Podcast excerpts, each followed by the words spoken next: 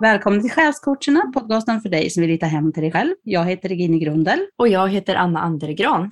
Och idag har vi en härlig gäst med oss. En gäst som jag har känt i många år och som jag har gjort min andliga resa med delvis. För vi gick faktiskt vår allra första andliga kurs ihop. Och det är Erika Wångstedt. Varmt välkommen till oss. Tusen tack. Det är så härligt att ha dig med, för att vi har följt varandra och jag har liksom sett din utveckling och du har sett min och så har vi haft, inte, inte jättetät kontakt alltid, men vi har liksom alltid vetat om varandra. Och eh, du, du har utbildat dig till medium, du är regressionsterapeut, du är hypnosterapeut och nu senast har du undersökt det här med gång. Och vi, vi är så nyfikna på allt det här. Så kan inte du bara berätta lite om vem du är och vad du håller på med just nu? Ja, eh, som sagt, Erika heter jag och jag bor i Lugnås utanför eh, Mariestad och det är mitt eh, föräldrahem. Jag är född och uppvuxen här på det vackra Lugnåsberget. Eh, jag har väl alltid haft ett intresse för det andliga. Alltid tyckt att det varit väldigt spännande och jag har alltid vetat inom mig själv att vi lever flera liv. Det har för mig alltid varit självklart. Eh, och sen så när man kommer upp och blir lite äldre och så inser man att oj, så tänker och tycker inte alla människor. Då blir man väldigt förvånad för det har som sagt alltid varit den här självklara grejen för mig. Mm. Sen så vet jag att jag såg ett program, jag minns inte riktigt när det var, men det kan ha varit eh, början på 2000-talet kanske, med en man som heter Jörgen Sundvall och det hette just Tidigare liv.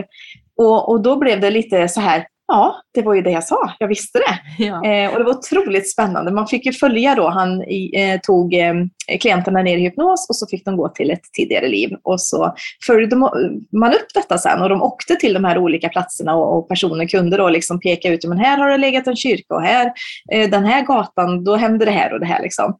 Eh, så jag var ju helt fast i detta. Och på något konstigt sätt så mindes jag hans eh, namn under många, många år. Och sen så när internet började bli mer och mer vanligt så, um, så vet jag att jag sökte upp honom eh, och såg att han hade kurser i det här. Det var helt fantastiskt. Så det bestämde jag mig för. Det här måste jag bara liksom prova på. Och på den vägen är det med det. Då. Så då eh, åkte jag till Stockholm och eh, då får man börja med en, en grund utbildning innan man får gå till den här allra mest spännande regressions, där man själv får gå ner mm. och upptäcka sina egna tidigare liv. Och det är också en sån fantastisk resa för det ger så mycket förklaring till olika eh, alltså problem och olika saker som jag gör i det här livet som jag liksom återkommer till och som jag som Alltså det blir ett mönster som jag upprepar. Men mm. när man får förklaringen till att aha, det därför jag reagerar på det här, det är därför. Så kan man ta det på ett helt annat sätt och man kan liksom läka det och gå vidare. Liksom. Ja, det, det är otroligt spännande. Ja. Jag kommer faktiskt ihåg det programmet jag också. Ja. Jag var också jätteinspirerad av det. Ja, ja och man satt verkligen på, på helspänn och, och jag tyckte det, jag tycker vi skulle göra mer sådana program faktiskt. Det var otroligt eh, intressant hela den biten. Liksom. Och just som du säger, att man kan komma åt och läka saker som man inte kommer åt annars, för att man är fastlåst i tankarna kring just det här livet. Ja. Och det kan klargöras så mycket just när man får dyka ner ännu längre tillbaks. Ja, ja precis. Och just det här, den lättnaden det är när man kan släppa det. Mm. Framförallt det. Det, det, alltså man känner nästan en fysisk lättnad i hela kroppen när man låter det här gå vidare. Liksom. Det, det är gammalt, det är passerat, jag behöver det inte längre. Det är, det är fantastiskt läkande, mm. verkligen. Mm. Men var det din första eh, djupdykning i de här sakerna? För, för jag kommer ja. ihåg när vi gick kursen ihop i början, där vi gick ju två kurser. Det var, mm. Jag tror det var dina första två andliga kurser också va? Ja, det stämmer. Och då var det, vi fick prova på lite av allt och då kommer jag ihåg att du var så duktig med det här med mediumskap också. Eh, ja, jag, jag, kände första gången när vi skulle, jag hade väldigt lätt för det. Och jag, jag, jag kände mig hemma i det på en gång liksom och, och kände att men det är det här, hela kroppen, varenda cell liksom kände att det här är vad jag ska göra. Mm. Eh, och när jag sen har gått både andra utvecklingskurser för, för mediumskap och det här med, med hypnos, som kommer tillbaka till tidigare liv, så vet jag att jag har sysslat med det. Jag har ju varit häxa och medium i, i, i många livstider. Ja. Eh, och när man kommer tillbaka och hittar den biten i även det här livet, då man känner ju som jag sa förut, i hela sin kropp att det här är det rätta. Det är vad jag är menat att göra i den här livstiden. Eh, jag tror ju att det är så här att innan vi kommer hit till jorden så bestämmer vi vad vi har för, eh, för huvudsyfte. Vad är det vi ska göra? Vi ska ju utveckla våran själ. Men hur ska vi göra det? Och när vi, när vi hamnar i den rätta vägen, då känner vi det i hela kroppen. Och går vi utanför, vi hamnar på lite eh, villovägar, som vi alla gör.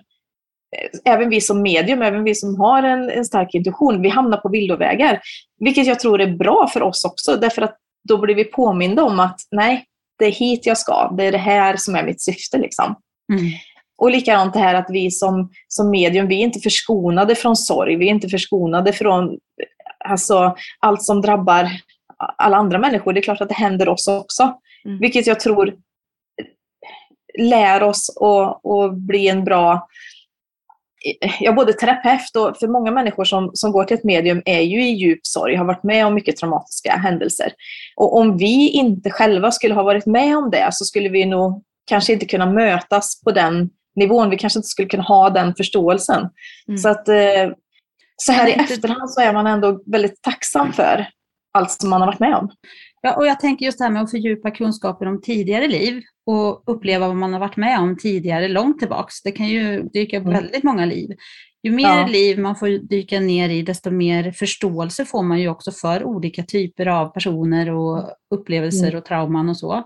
För att ja. eh, Anna och jag också utvecklat det här med tidigare liv ganska mycket tillsammans. Vi har, vi har hittat ja. liv och så har vi minst dem tillsammans och, och hjälpt varandra att söka oss mm. till mer och mer detaljer kring de här liven. Mm. Och då blir det att man, ja. ja, och det är så härligt, det är så fantastiskt att ha någon att göra, upptäcka det med.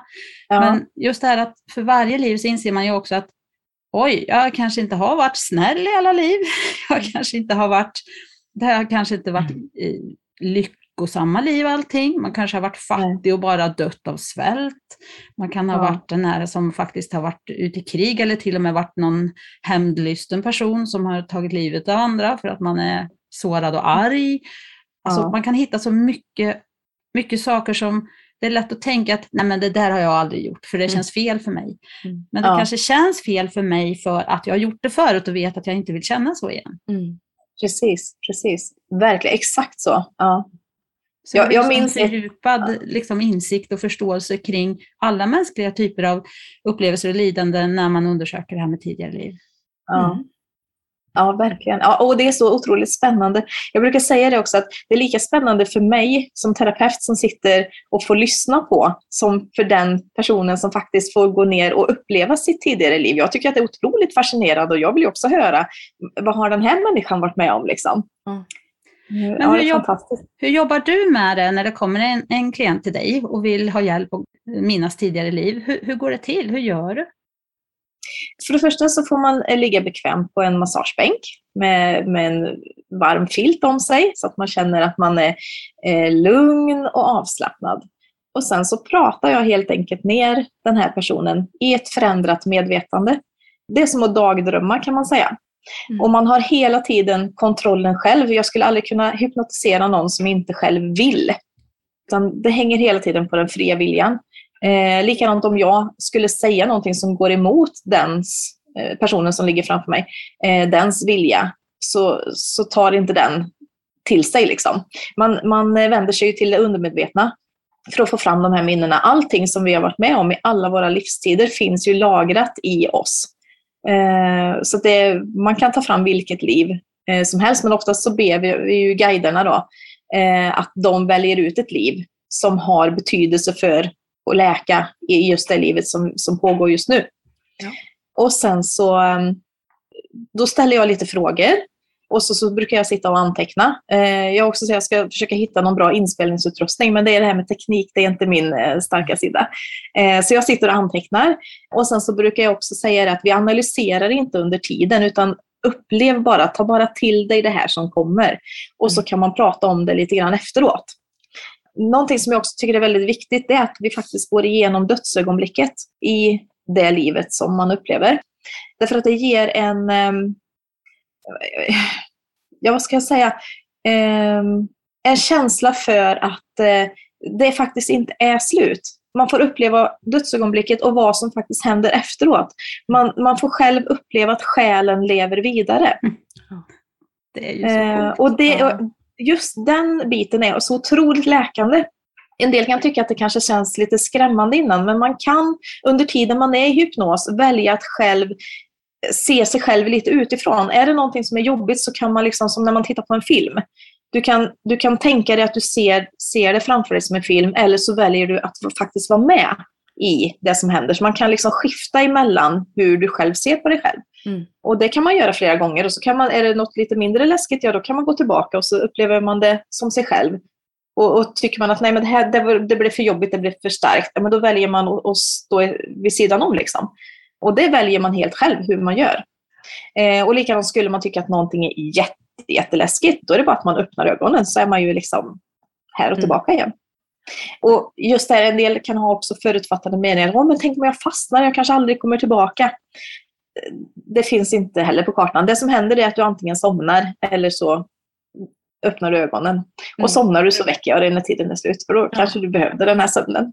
Ja. Eh, Så det, det, finns, det finns inga som helst biverkningar och det finns ingenting som är farligt. Vad Utan vi vänder oss till det undermedvetna för att få hitta de minnena, helt Ja. enkelt. Det är första gången jag hör eh, det förklara liksom just det här att man också går till dödsögonblicket, att man kan läka dödsrädsla med den metoden också. Det Oh ja. Ja. Jättespännande. Må- många människor går ju och bär på en rädsla för döden. Ja. Och och det är ju oundvikligt, vi kommer alla att komma dit. Och kan vi då ta bort den rädslan så, så skulle vi ju läka otroligt mycket. ja, det kanske Eh. blir lättare att leva medan man lever också, om man får bort den Exakt. rädslan. Exakt. För Ja. det är väl den grundrädslan som ligger bakom nästan alla andra rädslor egentligen. Ja. Rädslan att dö. Mm. Mm. Visst är det så. Och just det här att det är oundvikligt. Vi alla vet att förr eller senare så, så hamnar vi där. Liksom. Och kan vi då slippa vara rädda för det. Mm. Och, men som jag känner, jag, jag är inte rädd för att dö. Inte det allra minsta. Jag tycker det ska bli spännande att se vad, vad, vart jag hamnar då och vad jag, vad jag ska hitta på i nästa liv. Ja. Men såklart, jag vill ju inte att det blir riktigt än. För jag känner att jag är inte riktigt färdig här. Jag vill se mina barn växa upp och det är liksom hela den här. Men jag är definitivt inte rädd för vad som skulle kunna hända. Utan eh, mer att det blir otroligt spännande att se. Och så Ja. få träffa sina nära och kära som har gått före. Liksom. Och, Absolut. mm. Ja, för du hade ett antal barn också, vill jag minnas. Ja, jag har sju barn. Sju stycken. Ja, det är ju så imponerande hur man överhuvudtaget hinner med någonting Ja. annat än det då.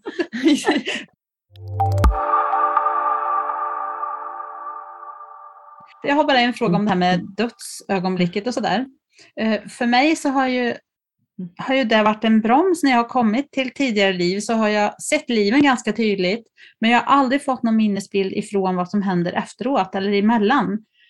Och det, det här är ju, är det vanligt att, att man inte minns efter döden? Att det liksom tar slut när man dör? Eller hur? Eh, när du har gått ner i hypnos, har du, har du gjort det själv eller har du haft någon som har lett dig ner? Både och. Eh, för att då tänker jag att eh, när, du, när du gör det och någon sitter och leder dig, så be att du ska få se vad som händer efter, eh, Mm. efter dödsögonblicket. Att du ska få uppleva det som händer emellan. Det finns en eh, otroligt duktig Life Between Lives eh, terapeut i Sverige som heter Rita Borenstein. Eh, hon är fantastisk och jag brukar läsa hennes eh, artiklar och det hon lägger ut, hennes böcker. Och hon är just specialiserad på det. Livet Jaha. mellan liven. Vad häftigt. Så man kan få, eh, ja. Eh, Det är också en sån här dröm en gång. Att eh, jag skulle vilja boka tid med henne och bara få. Och jag tror, jag tror att jag har läst någonstans att den är tre timmar lång den här sessionen. Oj, Så det är eh, rejäl eh, hypnos. Och man får liksom uppleva vad som hände emellan. Ja, det är otroligt spännande också. Mm. Och jag har läst en bok som heter nu ska vi se om jag får rätt. Barns tidigare liv. Eller min, barns tidigare minnen, tidigare liv från... Hmm. Ja, det är från hela världen. Där det är forskare som har liksom sammanställt de här. Och man ser ju mycket likheter. Och många av de här barnen har också berättat om eh, minnen ifrån innan de föddes. Liksom. Hur de följde sina föräldrar, hur de valde ut dem. Och, och liksom, de kan berätta om saker som föräldrarna gjorde innan de ens föddes. Liksom. Eh, Helt eh, fantastiskt. Mm. Dr. Ian Stevenson eller någonting tror jag någon av de här heter. Det hade jag kunnat kolla innan den här. Ja, men vi kan lägga upp infon i eh, Ja. beskrivningen av avsnittet sen. Kan vi göra. Och, Ja, eh, ja, tips om den boken. Ja, den är väldigt spännande. Mm. Mm. Eh, sen finns det ju även en annan bok. Jag vet inte om du har läst den Regina, den här, eh, eller du också Anna. Shanti Devi. Det är ju en, ehm, en indisk flicka som minns sitt tidigare liv och som får åka och träffa sin eh, före detta ja, make blir det ju då. För hon dog ganska ung och så fick hon en son eh, och sen så dog hon och sen så kom hon tillbaka och hon hade de här minnena och där har de ju de här olika kastsystemen och så här och hon betedde sig liksom på ett annat sätt än vad som var brukligt i just den här kasten. Eh, och, eh, ja, den är otroligt spännande och jag gråter varje gång som jag läser den. Den är, den är fantastisk. Den kan vi också rekommendera. Ja, åh, vad spännande. Det är så fascinerande det här med tidigare liv. Ja. Det, Ja. Och där har hon ju också ett helt gäng med forskare med sig när hon får åka till och träffa sin makes familj. Och där försöker de ju lura henne lite grann. Så att det är makens bror, tror jag det är, som, som möter och tar emot. Och, liksom. och då, hon säger ju att "Nej, men du är min makes bror.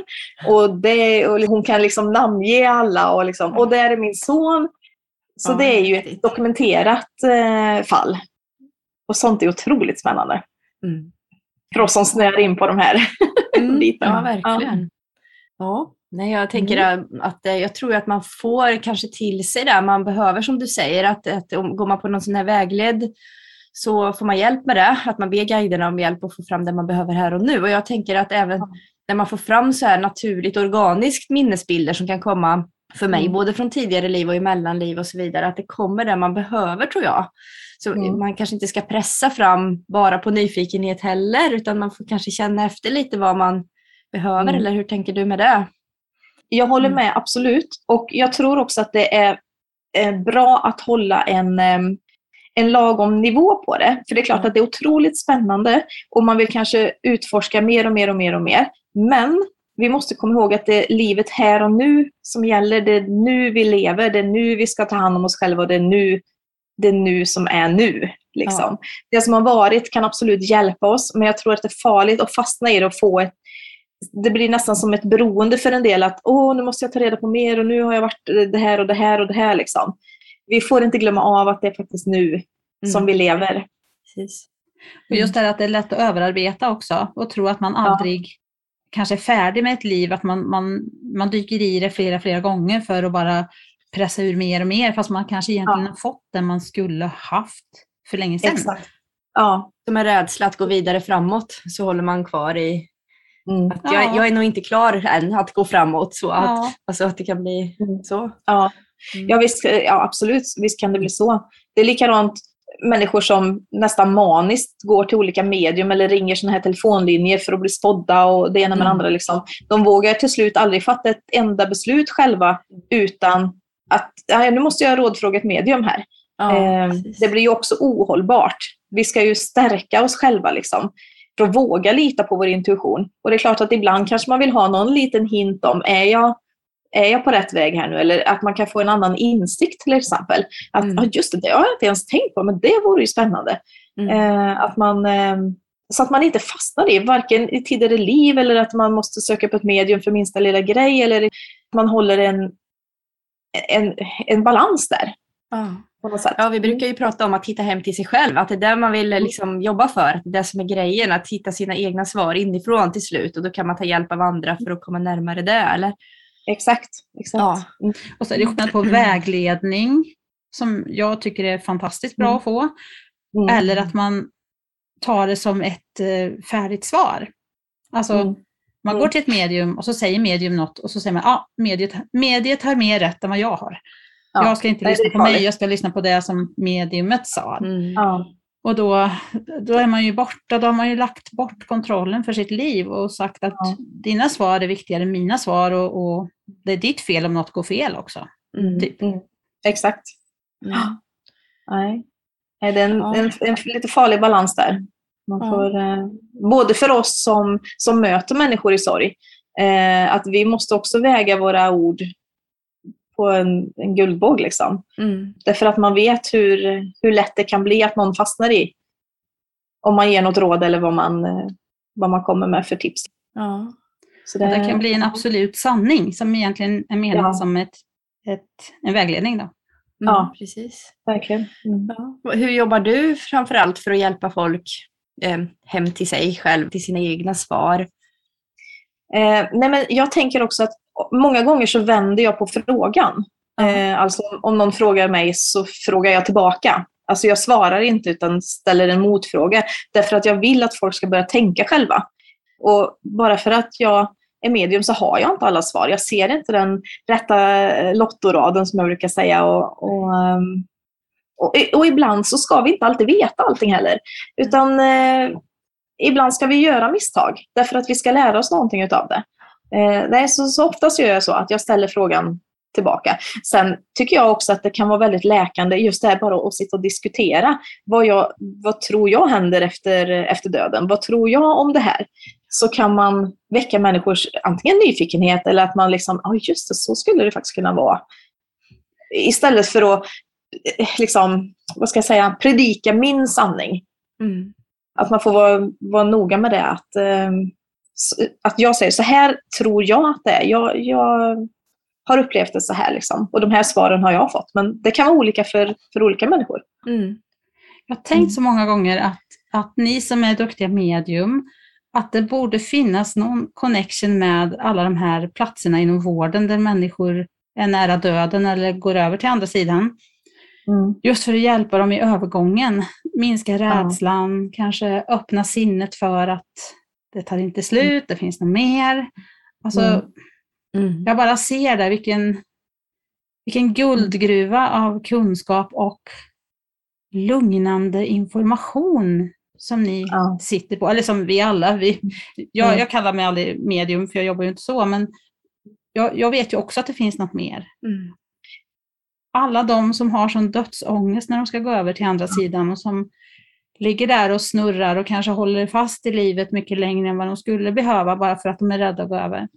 Ja, ja. Det är sorgligt faktiskt att, vi ska, att det ska vara så.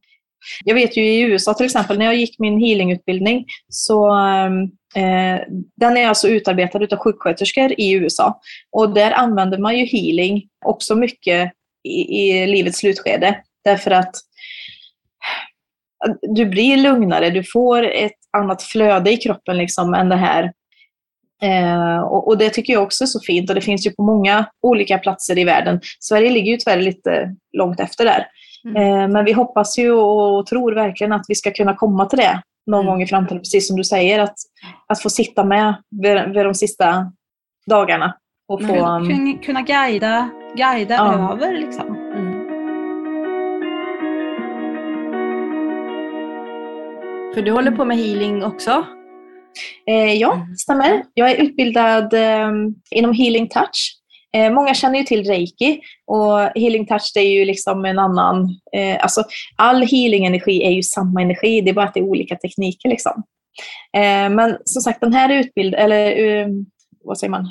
Utarbetad utav sjuksköterskor. Så de använder den på sjukhusen i eh, USA. Mm. Eh, och han som har utbildat mig, han är sjuksköterska. Och han Ja. utbildar, på, eh, utbildar sjuksköterskor i den här metoden utanför eh, New York i USA. Där. Så ehm, ja. Och så det du har utbildat dig i New York?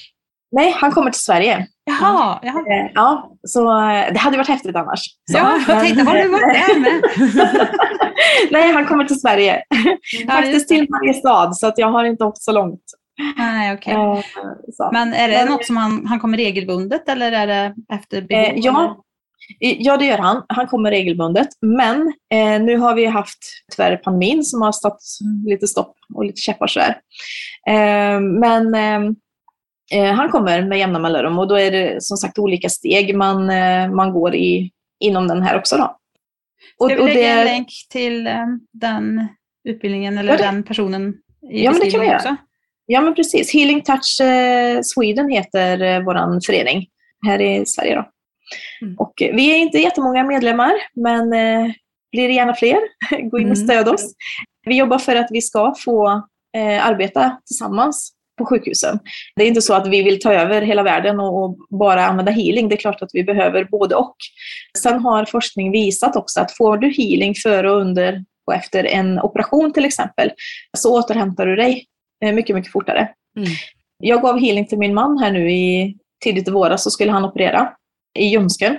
Och, eh, så jag gav honom, gjorde ju som, som jag är lärd, före och efter så eh, kunde jag tyvärr inte vara med under operationen så att jag var tvungen att vara här hemma i Mariestad. Eh, men jag skickade healing till honom. Och eh, sen när han var på återbesöket så kunde inte läkarna förstå hur, hur snabbt han hade återhämtat sig. Nej. Så det känns lite roligt. Ja. Men eh, vi, har nog, vi har nog åtskilliga år kvar innan vi kommer till att Sverige kommer ikapp där. Ehm, Fast det är en sån här härlig vision att skicka energi till känner jag. Mm, Mm. verkligen. Det här ja, samarbetet mellan den så kallade alternativa, Mm. man får inte Ja. säga vård heller, men omsorgen då, Nej. eller vad ska vi kalla Ja, det för? ja. Och den vanliga skolmedicinen. ja, Alltså tänk vad de kunde gå hand i hand, vilken, vilken Ja. vård vi skulle ha. Mm. ja, ja, fantastiskt. Och man skulle minska alltså platserna eller eh, tiden då människor ligger inne på sjukhus. Om vi kunde få, få samarbeta bland annat. Liksom. Mm. Mm. Och likadant här också, många som är rädda inför en operation. Alltså du får den lugnande healing-energin innan. Ja, det, det finns det, återigen bara fördelar med det här. Ja. Inga biverkningar överhuvudtaget. Nej. Ja, det är otroligt. Mm. Är det något mer du känner att du vill berätta om den här healing touch innan vi går vidare? Eh, nej, men vi, kan, vi kan lägga en, eh, en beskrivning i, eh, så kan man gå in och läsa på, eh, på vår hemsida.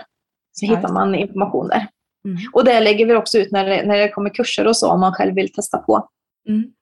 Och vi är spridda över hela landet. Det är Stockholm och Mariestad och eh, neråt Skåne till. Så det, det finns över hela, över hela Sverige. Ja.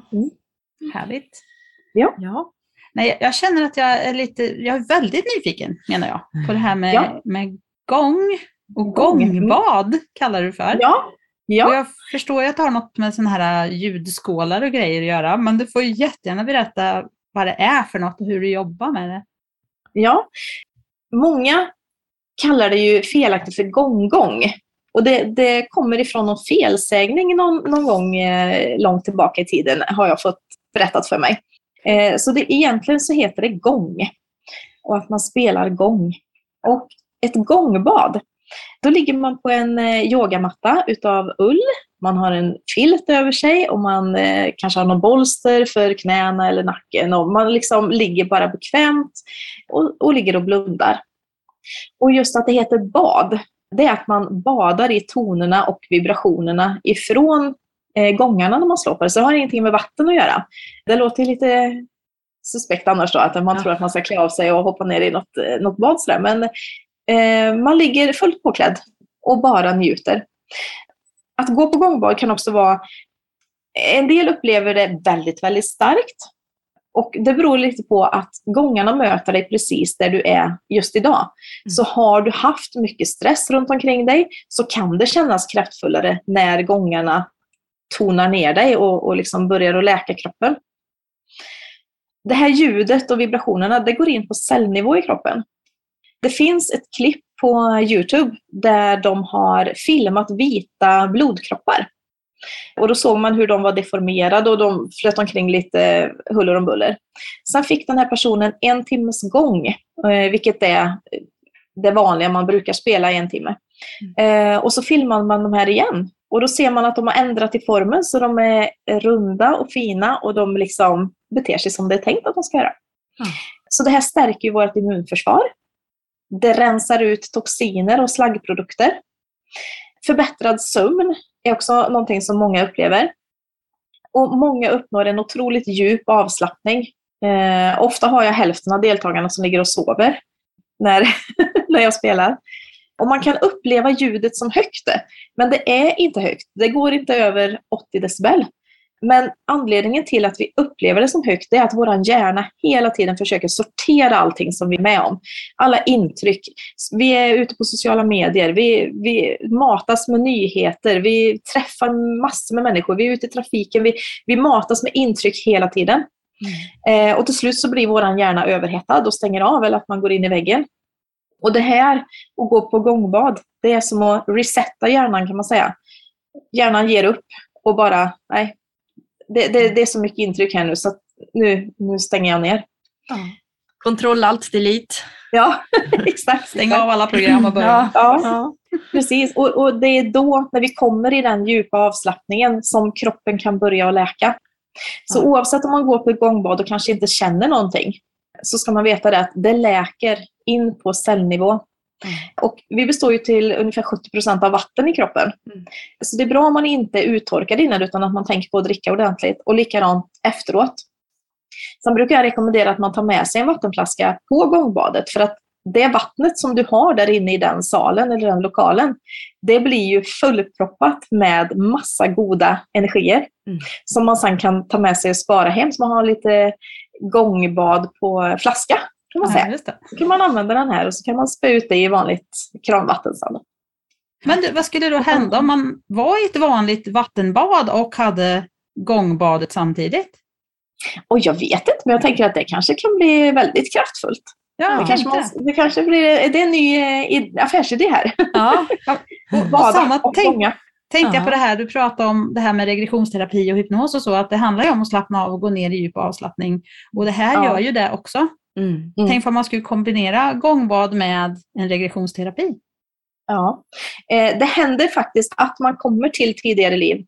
När jag själv har eh, varit på gångbad så har jag upplevt eh, att jag så snabbt hamnar i ett tidigare liv. Och så får man uppleva det. Liksom. En del får jättemycket känslor. Och, och det säger också att det är jättebra att det kommer, men fastna inte i det, utan tillåt er att känna att Åh, men nu känner jag så här. Eh, men släpp det sen, så att man inte liksom grottar ner sig. För att när allting, när spänningar och, och eh, blockeringar börjar att släppa, eh, så kan det hända att det kommer mycket känslor. Eh, man kan känna att det pirrar i kroppen har man ont någonstans, om man har en, en gammal skada eller en ny skada, om man har en, en smärta, så kan smärtan bli lite intensivare, bygga upp som en topp för att sen släppa helt. Och det är också helt fantastiskt. Jag har hört många människor som har berättat att ah, men jag har haft ont i min axel eh, och när du spelade så, så blev det lite värre men sen släppte det och så, nu, nu har jag inte känt någonting alls. Och, och det är så helt fantastiskt att få höra. Jag ska berätta också, jag träffade en kvinna som eh, berättade att när hennes dotter var 12 år så ramlade hon av hästen och fick en skada i hjärnan så att hon såg allting dubbelt. Och läkarna hade sagt att det här går inte att operera, vi kan inte göra någonting åt detta. Men vi rekommenderar att du går på gång. Och jag blev ju så här, what? Fantastiskt. Och jag bara, nej men det kan ju inte ha varit i Sverige. Nej, det var i Tyskland, sa hon då. Ja. Eh, och då blev jag så här, "Ah, okej, men gud vad spännande. Och så berättade hon att efter sex veckor, hon skulle gå en gång i veckan, efter sex veckor så säger flickan till, eh, till sin mamma att mamma, jag ser inte dubbelt längre. Helt otroligt. Och jag, ja, när jag hörde det, jag rös i hela kroppen och man blir så glad av de här berättelserna. Liksom. Ja. Att man får höra hur, hur människor läker. Mm. En kvinna som var hos mig för, för några veckor sedan, eh, hon var där en söndag och jag spelade. Sen träffade jag henne och hennes man på torsdagen efter. Och då så sa hon det att eh, eh, jag har haft sån, sån hosta i flera veckor. Eh, men efter att jag var hos dig i söndag så är den helt borta. Och hennes man intygade också för att han hade ju störts av hennes hosta på nätterna och liksom att hon, hon hela tiden höll på och det retade i halsen och så här. Eh, och då blir man också man blir så glad när man får höra de här berättelserna. Ja. Eh, och jag, jag brukar efteråt, om någon vill prata, så, så går jag ut lite utanför för att rummet där man är, eh, det vill jag att det ska vara tyst. Liksom. Och man avslutar alltid med att ha ungefär 12 minuters total tystnad. Och då ligger man stilla och man är i tystnaden. Och den tystnaden är också jätteviktig för läkningen. Mm. Så, och många upplever den som otroligt läkande. Just det här när det inte är ett enda ljud. Mm. Gör man det i grupp eller ensam? Gångbad brukar man göra i grupp. Eh, och sen kan man även välja gånghealing. Och då är man själv med mig och gångarna. Eh, och då ligger man på en eh, massagebänk istället och så pratar man lite grann om innan, om det är några särskilda eh, någon särskild smärta eller något särskilt som man vill jobba med. Man kan ju, beroende på vart man slår på gången så får man olika effekter. Antingen om man vill jorda och grunda eller om, man, om någon är kanske deprimerad så vill man spela uppåt i, och få den här personen att öppna sig. Man kanske vill öppna ett flöde. Man kan spela för de olika chakrarna, så det, brukar jag, det gör jag alltid. Alltså att man spelar på alla våra sju huvudchakran. och när jag spelar i grupp så, så jag spelar alltid intuitivt och känner in vad behöver gruppen. Mm. Men när man och väljer att, att ta en gånghealing då, så då är det ju vad just du behöver. Liksom. Så får man gå efter det. Sen, sen går jag ju lite intuitivt, så då kan man ju hitta andra saker också som den personen kanske inte har tänkt på. Då spelar man lite där. Mm. Så. Mm.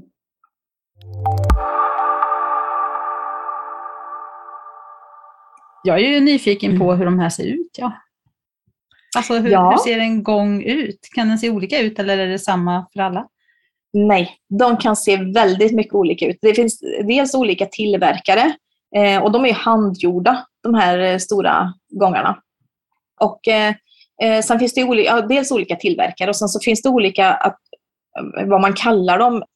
Eh, det är vindgång till exempel och det kan vara eh, planetgångar och de är stämda efter våra planeter och månen och solen. Och de här planeterna, eh, det har jag också fått berättat för mig, att de är stämda i så som det låter ute i rymden. Då har man alltså kunnat fånga detta ljudet på något sätt. Och när man spelar på dem så blir det då som att man är ute i kosmos. Och bara flyter omkring där. Ja. Ja. Eh, och det är väldigt stor skillnad också på pris. Eh, du kan hitta en liten handhållen gång för kanske 12-1500 kronor. Sen har du något lite större för kanske 7-8. Sen finns det ju liksom uppåt, det finns ju ingen gräns. Så, så man, får, man får samla på sig lite i taget. Det, det blir så. Ja. Men det, det blir ett litet behov sådär att man känner att åh, den gången, den vill jag ha. Mm. Eh, för det, de slår ju an olika på en. En del gånger tycker man inte alls om när man, när man testar och när man ska spela så här. Det blir liksom helt fel vibrationer. Och sen en annan gång den kan man nästan inte sluta spela på för att det liksom slår an så i en så att man blir helt... Ja. Det låter nästan som kortlekar kan man ju bli sådär med också. Ja, Man ska bara en till och bara en till. Ja. Och den, där, den där pratar lite mer med mig och den pratar ännu Ja. mer med mig. Exakt, exakt. Ja. Går på magkänslan och känna vilken man behöver. Mm. Mm. Precis. Ja det, ja, det där är fascinerande faktiskt. Jag har inte hört talas så mycket om gångbad just. Eh, Jag har hört talas om de här skålarna, att man kan Mm. snurra på dem på något vis, eller hur man nu gör. Jag har sett Ja, sådana här i alternativaffärer och så, men Ja. aldrig... Man slår an dem och sen så med den eh, pinnen som man slår med så drar man runt kanten för att få en annan resonans. Då. Eh, och när jag spelar både gångbad och gånghealing så använder jag det är sådana tibetanska klangskålar. Eh, och sen använder jag även kristallskålar och där får du ett lite annat ljud i. Och de här kan man även lägga på kroppen eller ställa på kroppen. Då får du liksom vibrationerna direkt ner i kroppen. Ja. Jo, jag provade gångbad en gång i Karlstad, kommer jag ihåg. Och det Mhm. var väldigt kraftfullt och häftigt. Jag kommer ihåg att jag kände någon liten sån här nästan oro för att det var så kraftfullt just att släppa taget. Man visste inte liksom vad, vad händer egentligen. Nej, nej precis. Mm, Nej. Nej, jag tycker det är fantastiskt. Och som sagt, inga biverkningar där heller. Eh, det man ska tänka på dock, det är att om man är gravid så ska man eh, undvika det. Därför att barnet ligger ju i vatten. Och, alltså, personligen tror jag inte att någonting är skadligt eller farligt så med det här. Men för att mamman ska känna sig trygg och Mm. bekväm med, och skulle någonting hända då ska man inte behöva tänka, var det det här som orsakade detta? Mm. Utan är man gravid så får man vänta tills eh, barnet är fött. Och det är ju också en otrolig läkning för kroppen. Så skulle man kunna eh, lämna barnet någon under en timme för att få läka som nybliven mamma eh, och nyförlöst så, så skulle det vara fantastiskt att få Mm. igång läkningen. Och det är ju en, en flera tusen år gammal kunskap det här som vi kan använda oss av än idag. Liksom. Mm. Eh, om jag förstod det rätt så tror jag att det har kommit till Sverige någon gång i början på, på 2000-talet. En, eh, någon förening som, jag vet inte om de, vad de höll på med, men eh, det var någon typ av ljudhealing som tog hit en eh, gångspelare och så på så sätt så har det spridit sig då runt om i Sverige. Så det blir mer och mer vanligt och mer och mer människor får upp ögonen för den här eh, metoden att läka. Vart kommer det ifrån från början då? Eh, Det är mycket vanligt nere i Tibet, Thailand, eh, Japan, Kina. De här munkarna på klostren där spelar Mm. gång. Mm. Så mycket vanligt nere i dem. Men vi har även en tillverkare i Norge till exempel. Jaha. Så att eh, det finns, och han gör med runor på sina, på sina gångar. Eh, Så det är också lite coolt så, lite det nordiska arvet. Ja.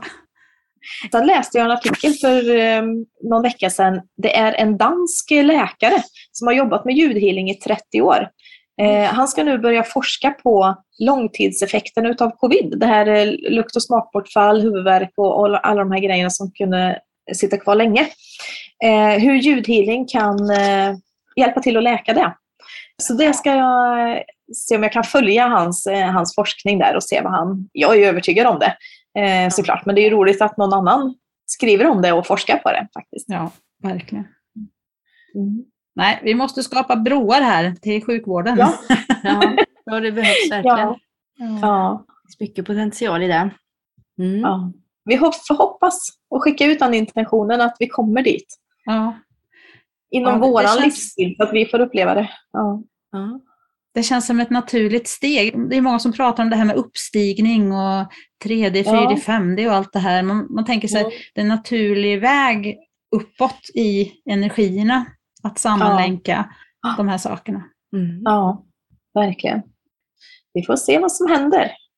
ja, spännande. precis, verkligen. Jag, tycker, och jag tänker hela tiden på det här att du, du har du, det är så spännande liv, liksom, att du jobbar och du har sju barn och sen gör du alla de här grejerna också. Alltså, det, det, måste ju krävas en enorm drivkraft eller övertygelse alltså för, att, för att få ihop det där och fortsätta prioritera det mitt i allt annat som livet är. Ja, ja, men, ja men så är det nog. Jag har alltid haft en drivkraft och en, en stark vilja och en stark intuition vad jag ska göra, vart jag ska gå.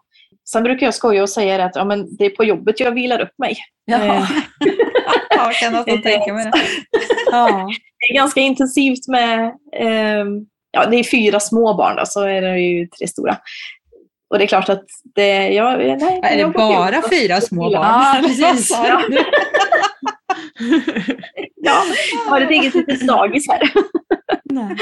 Ja, nej, men det är roligt, det är fantastiskt. Och jag har också tänkt så här, det är klart att man får lite dåligt samvete ibland man ska åka iväg på, eh, på någon kurs kanske som är över en helg eller så.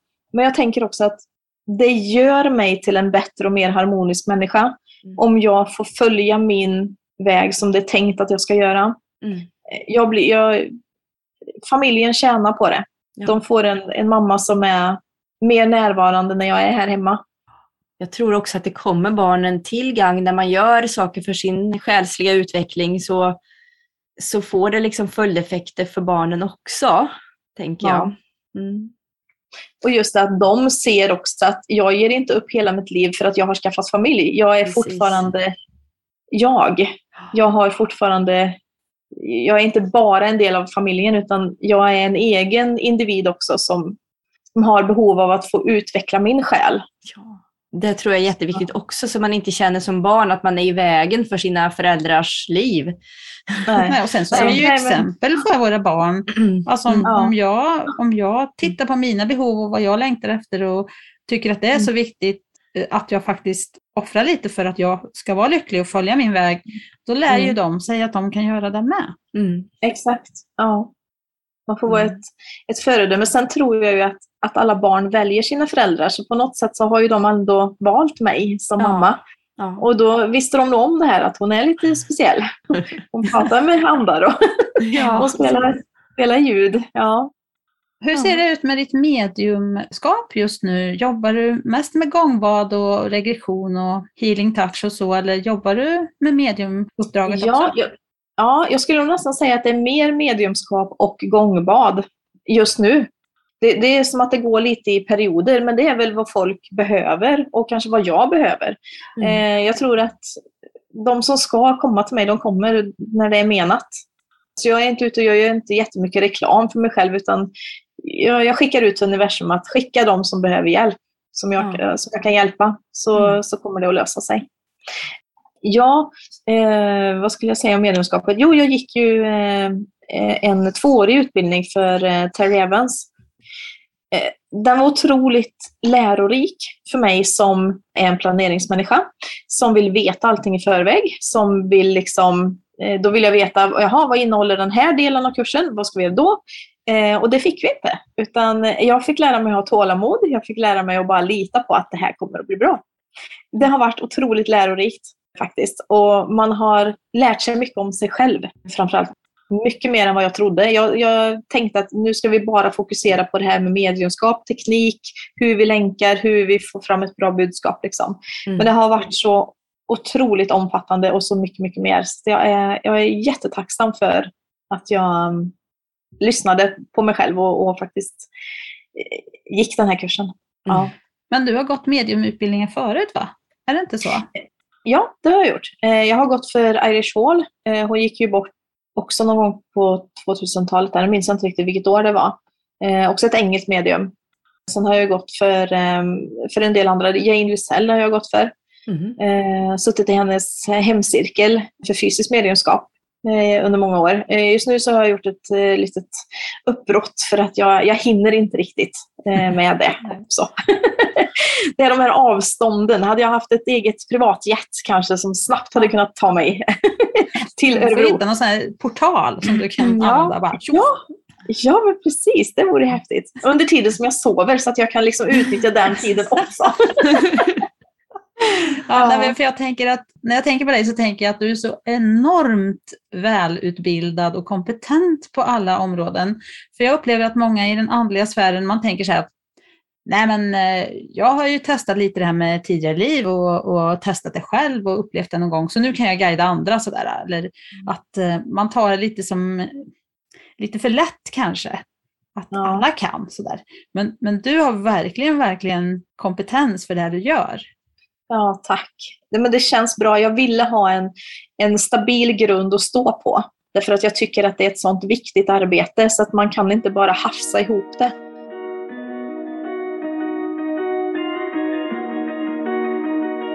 Hur har du förändrats som medium då? Från säg, första kursen när, när vi provar på lite grann och sen den här resan som du har gjort genom alla de här utbildningarna och genom livet och erfarenheter och allt.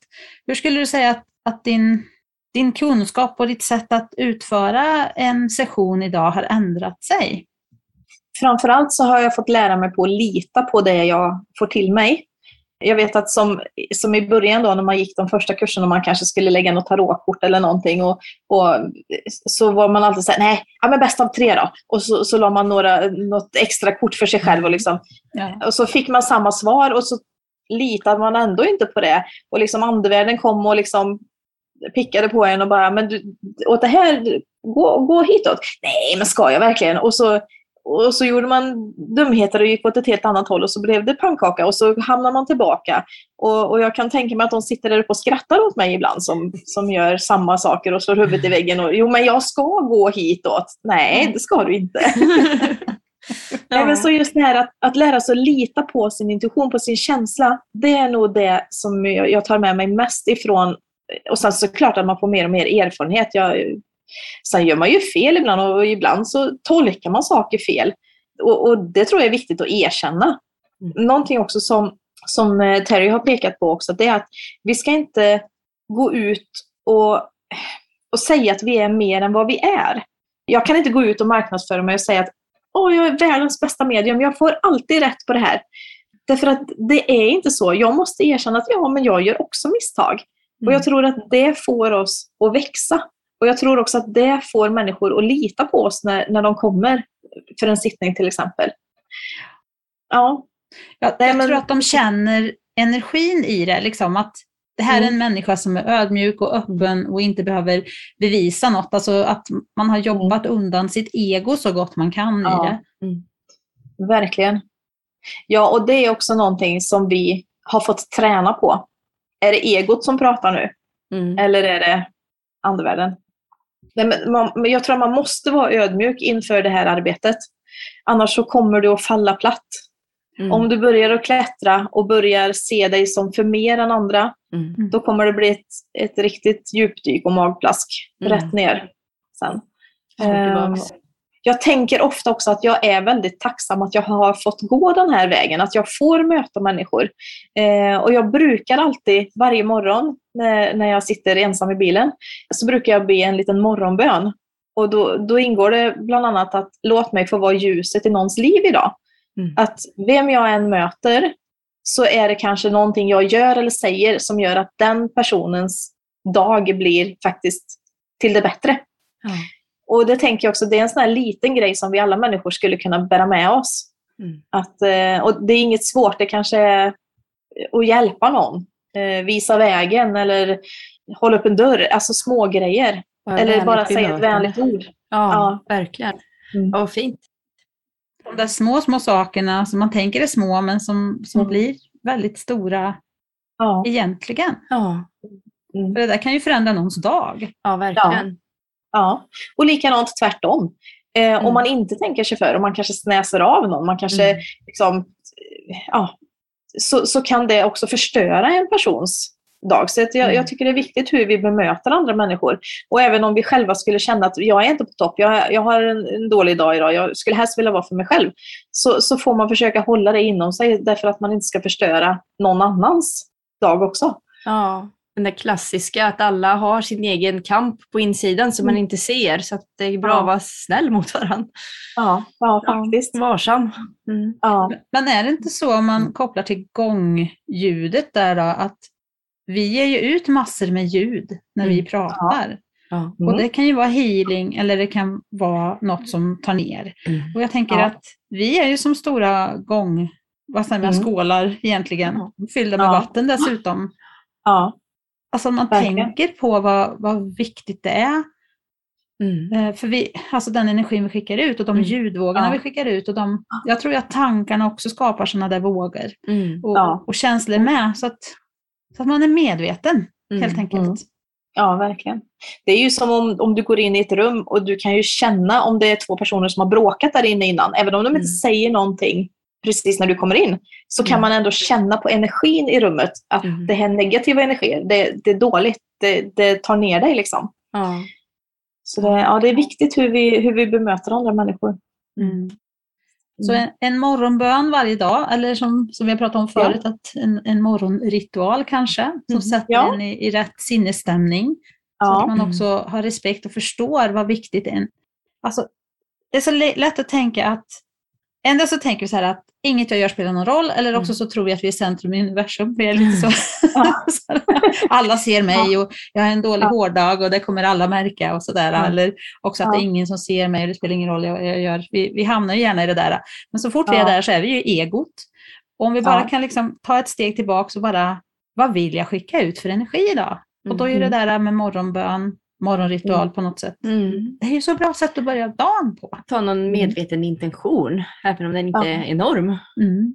ja. Ja. små steg, små saker som kan göra skillnad. Mm. För ska vi, ska vi ändra vårt liv, då måste det ske i små steg. Jag tror inte att vi kan liksom helomvända oss och bli eh, superheliga på en, på en dag. Det tror jag inte går. Nej. Nej, vi måste ju acceptera att vi är människor också. Det är viktigt att vara snäll mot sig själv i det där också. Och tänka, ah, nu snäste jag till här och nu, nu var jag sur och grinig idag. Och det är helt okej. Alltså, Ja, så länge man inte bygger på det med skuldkänslor och skam, utan okej, nu var det så idag. Mm. ja. Jag, jag tar nya tag imorgon. Mm, precis. Mm. Ja, verkligen. Jaha, vad händer framåt nu då, Erika? Eh, ja, det är ju det här med gångbad som jag har nu fortsatt i tre veckor till. Och sen så kommer jag vara lite inne på yogacentrum i Mariestad och spela lite gångbad där. Eh, sen får jag se lite hur jag eh, lägger upp mina tider, men det kommer finnas på Boka Direkt om man vill boka enskilda tider. Sen så ska jag ju jobba lite grann som bagare eh, också. eh, jag är ju gammal bagare, konditor sedan tidigare. Eh, och det är klart att det är ett stort intresse för mig. Att få, få arbeta med det eh, professionellt igen är ju fantastiskt roligt. Alltså jag är så fascinerad av det här med energin och gångbad och allt sådär. Mm. Deg är ju också levande väsen. Ja, Kan man inte skicka in lite gångenergi i degen med? Vilka fantastiska bullar! Eller? ja. ja men precis. Ja, men det kanske ska kombinera det. Ja, men vad härligt! Ja, men det- liksom. Ja. Kärleksbullen, liksom.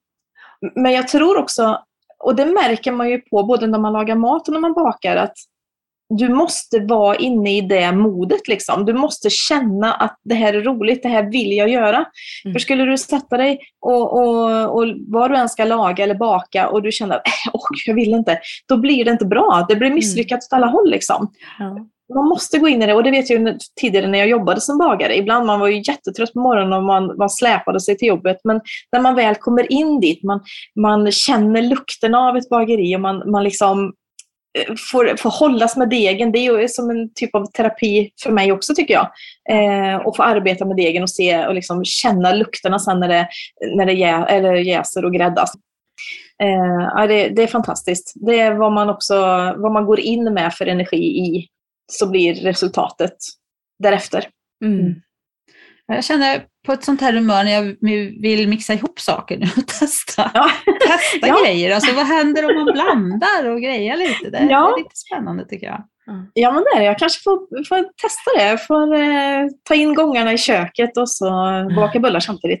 Ja, men coolt. får du berätta hur det går sen. Ja, ja precis. Men du, vi, vi pratade om Boka Direkt men vi sa aldrig vad din hemsida heter eller vad ditt företag heter. Eh, läkandeinrekraft.se eh, mm. kan man gå in och titta. Det är en, en hemsida där, där det står lite grann om de olika delarna. Ja, och ja. vi länkar den också såklart. Ja. Och sen sa du något om att det är enklast med sms för dig om någon vill ha kontakt och ställa ja, frågor eller precis. Ja, men precis. För dagtid så har jag ibland lite svårt att prata i telefonen. Så om man vill skicka ett sms så går det jättebra så kan jag svara i mån av tid. Ja. Mm. Och vi, åh, tiden går så fort när man har roligt. Alltså, ja, det är så. rusar iväg. Ja. Men är det någonting tänk... mer du känner att du vill berätta om eller som vi inte har pratat om som du vill få fram här? Eh, nej men jag, jag, tror vi har fått med det och jag tänkte också först när du sa att nej, men det är en timmes program. Och jösse namn, vad ska jag prata om en timme? Men jag känner, jag ser klockan nu att jösses vad det springer iväg. Ja, jag var eh. faktiskt inget orolig för det. Nej, jag det känns som det finns att plocka av. Ja, ja så är det. Ja. Eh, nej, men jag, jag, tror att jag har fått med, fått med det. Och är det som sagt någon som vill testa på det så man kan säkert söka på, jag vet inte vart era, era följare finns eh, runt om i Sverige, men eh, jag håller ju till utanför Mariestad i Lugnås och inne i Mariestad på Yogacentrum. Och sen så är jag ju portabel. Jag kan ju naturligtvis eh, flyga runt, på säga, men åka runt i, i landet och eh, spela om det finns någon bygdegård eller något, eh, någon lokal där, där jag skulle kunna vara. Mm. Så kommer jag ju gärna dit. Så Finns det något du kan göra på distans av det du gör idag? Eh, healingen kan man göra på distans. Jag, eh, jag föredrar dock att träffa personen därför att alltså det, för mig, jag, det funkar på distans, det är inte det. Eh, men för mig känns det bättre. Jag vill ha personen framför mig. Liksom. Privatsittning gör jag också på telefon om man vill ha en sittning. Mm. Eh, alltså när jag länkar med, med andevärlden. Och det som är viktigt att komma ihåg där, det är att jag kan inte bestämma vem som kommer. Eh, många gånger kanske man har en önskan om att Åh, jag vill bara prata med min farmor eller jag vill bara prata med den här personen. Jag kan inte styra eller påverka det på något sätt utan andevärlden har full kontroll på vad den personen behöver. Mm. Och då, jag litar på det. Så att, eh, jag är aldrig orolig utan de får det som är menat. Mm. Eh, och så får man ju naturligtvis inte ge mig någon information när vi, när vi pratar per telefon. Att ah, nu vill jag prata med den här och den ser ut så och så. Liksom. Utan eh, låta andarna komma igenom. Mm. Ja. Inte störa dem utan låta dem göra det som är meningen. Ja men precis. Ja. Mm. Eh, och jag, jag, tror ju naturligtvis på, på guider och änglar och så, men det är inte dem jag pratar med då. Utan eh, de som kommer igenom ska vara någon som, som du har en relation till på något sätt. Eh, antingen en släkting, någon gammal dagisfröken eller någon granne eller någon som du ska liksom kunna verifiera vem det är. Mm. Mm. Ja, har du någonting mer? Jag tycker att vi har fått mycket spännande information här. Mm. På läkandeinrekraft.se finns mm. du och du har bokat ja. direkt. Och vi lägger ja. ut ditt telefonnummer i beskrivningen och lite av de länkarna som vi har pratat om också. Det blir suveränt. Ja, och så tackar vi av hela vårt hjärta för ett härligt, härligt samtal. Verkligen, tack så mycket. Tusen tack till er också. Roligt att få vara med. Ja, mm. jättekul. Eh, vi tackar alla våra lyssnare också förstås, ja. att ni vill vara med oss. Och ni vet vart ni hittar oss på själscoacherna.se.